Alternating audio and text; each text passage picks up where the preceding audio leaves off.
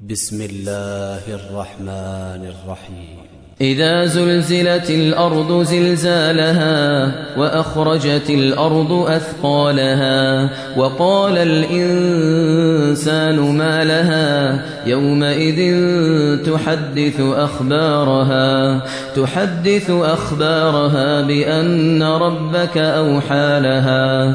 يومئذ يصدر الناس أشتاتا ليروا أعمالهم فمن يعمل مثقال ذرة خيرا يره ومن يعمل مثقال ذرة شرا يره.